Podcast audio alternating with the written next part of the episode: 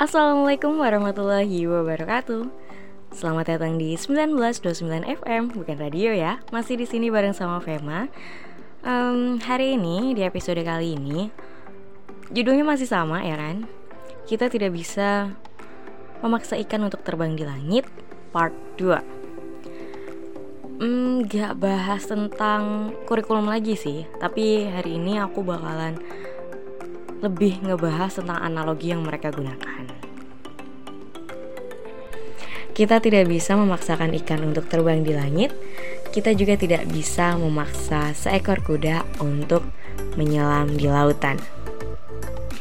Kalau kalian dengar kalimat itu, apa yang ada di pikiran kalian? Kalian setuju nggak? Kalau aku pribadi nih ya, awal-awal aku tuh nemu sebuah video di Instagram itu kalau nggak salah dia hits gara-gara kenaikan kelas ya jadi kayak ada parodi seorang guru yang membagikan raport kemudian dia mengucapkan kalimat tersebut kepada salah satu wali murid. Intinya supaya wali murid itu tidak memarahi anaknya karena nilai matematikanya yang jeblok kayak gitu kalau nggak salah ya. Awal saat melihat video itu saya setuju. Saya amat sangat setuju tapi lambat laun,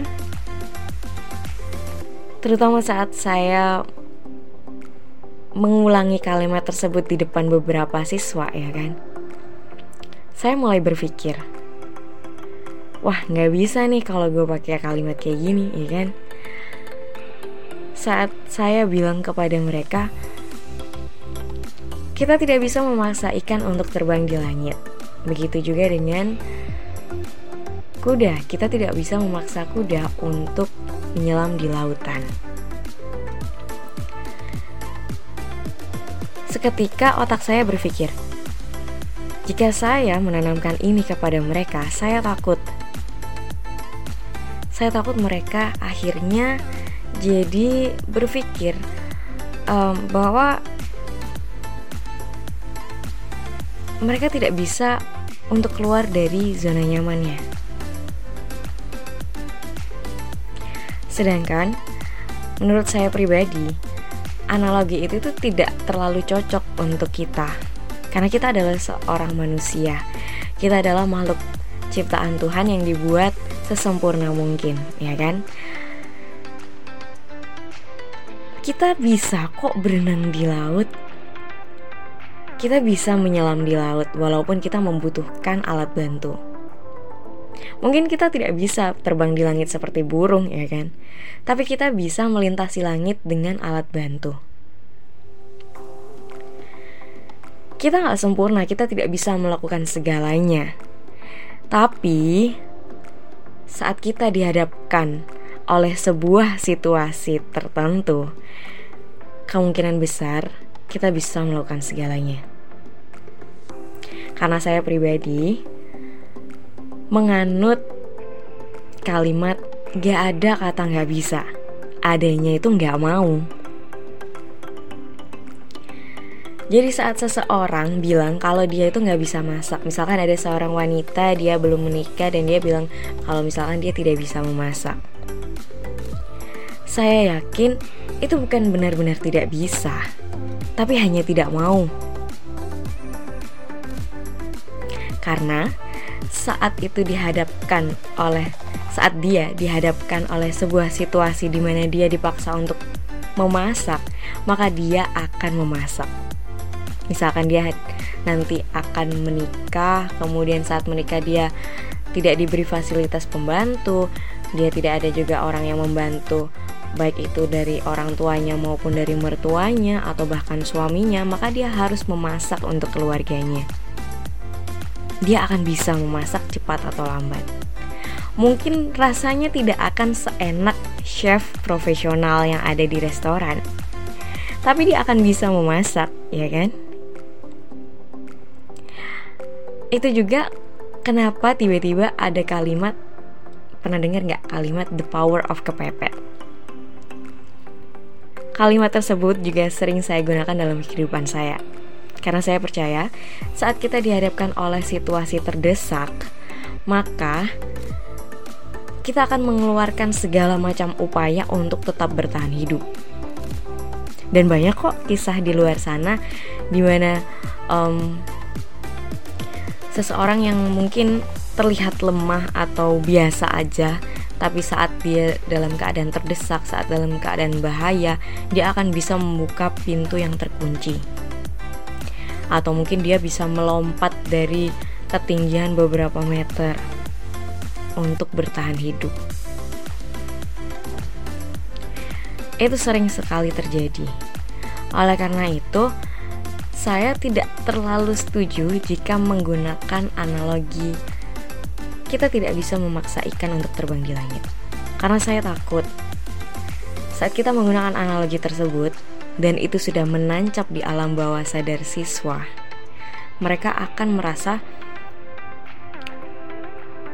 ini gue gitu kan. Gue nggak bisa matematika, lu jangan paksa-paksa gue untuk bisa matematika. Karena menurut saya bukan itu konsepnya ya kan mereka menggunakan analogi itu intinya kan supaya kita lebih fokus pada kelebihan kita bukan pada kelemahan kita kita harus menghilangkan standar di mana seseorang dikatakan pintar saat dia mendapatkan nilai 100 di matematikanya.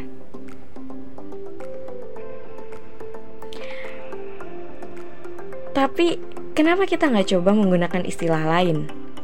Mungkin kita bisa menggunakan istilah yang lebih sering saya dengar, lebih baik meninggikan tuh lebih baik meninggikan gunung daripada meratakan lembah.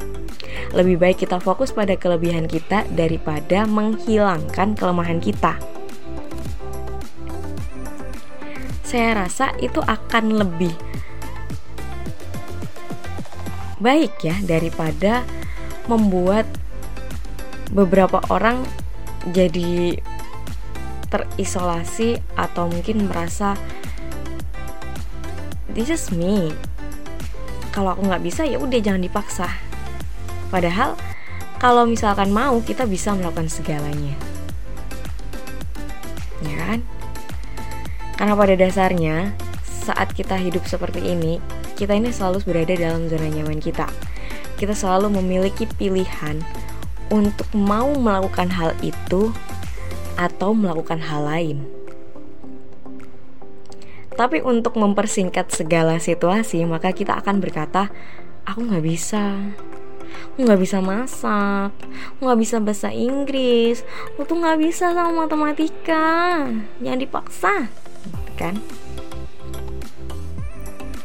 Tapi saya yakin jika orang yang berkata tidak bisa bahasa Inggris, namun dia dipindahkan ke negara yang menggunakan bahasa Inggris, cepat atau lambat dia akan bisa berkomunikasi menggunakan bahasa Inggris.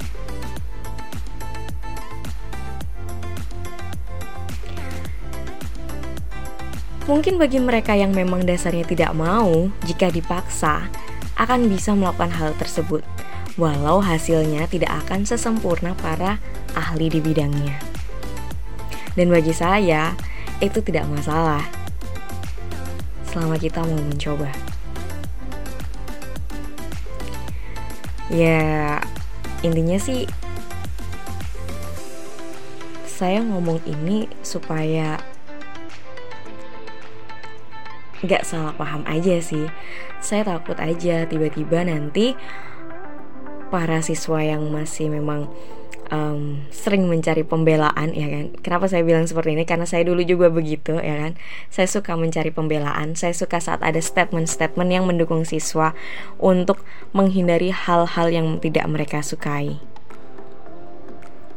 Dan akhirnya itu menjadikan mereka benar-benar tidak mau mencoba untuk melakukan segala hal yang tidak mereka sukai. Sedangkan melakukan sesuatu yang tidak kita sukai, baik itu dengan sukarela maupun keterpaksaan, itu adalah sebuah bentuk dari proses kita menjadi dewasa.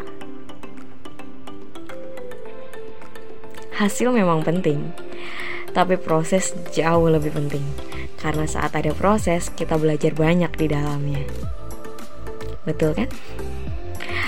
Oke, itu tadi ya unpopular opinion from me ya kan pasti ada kayak gituannya Oke, sekian dulu untuk episode kali ini. Terima kasih sudah mendengarkan 19.9 FM.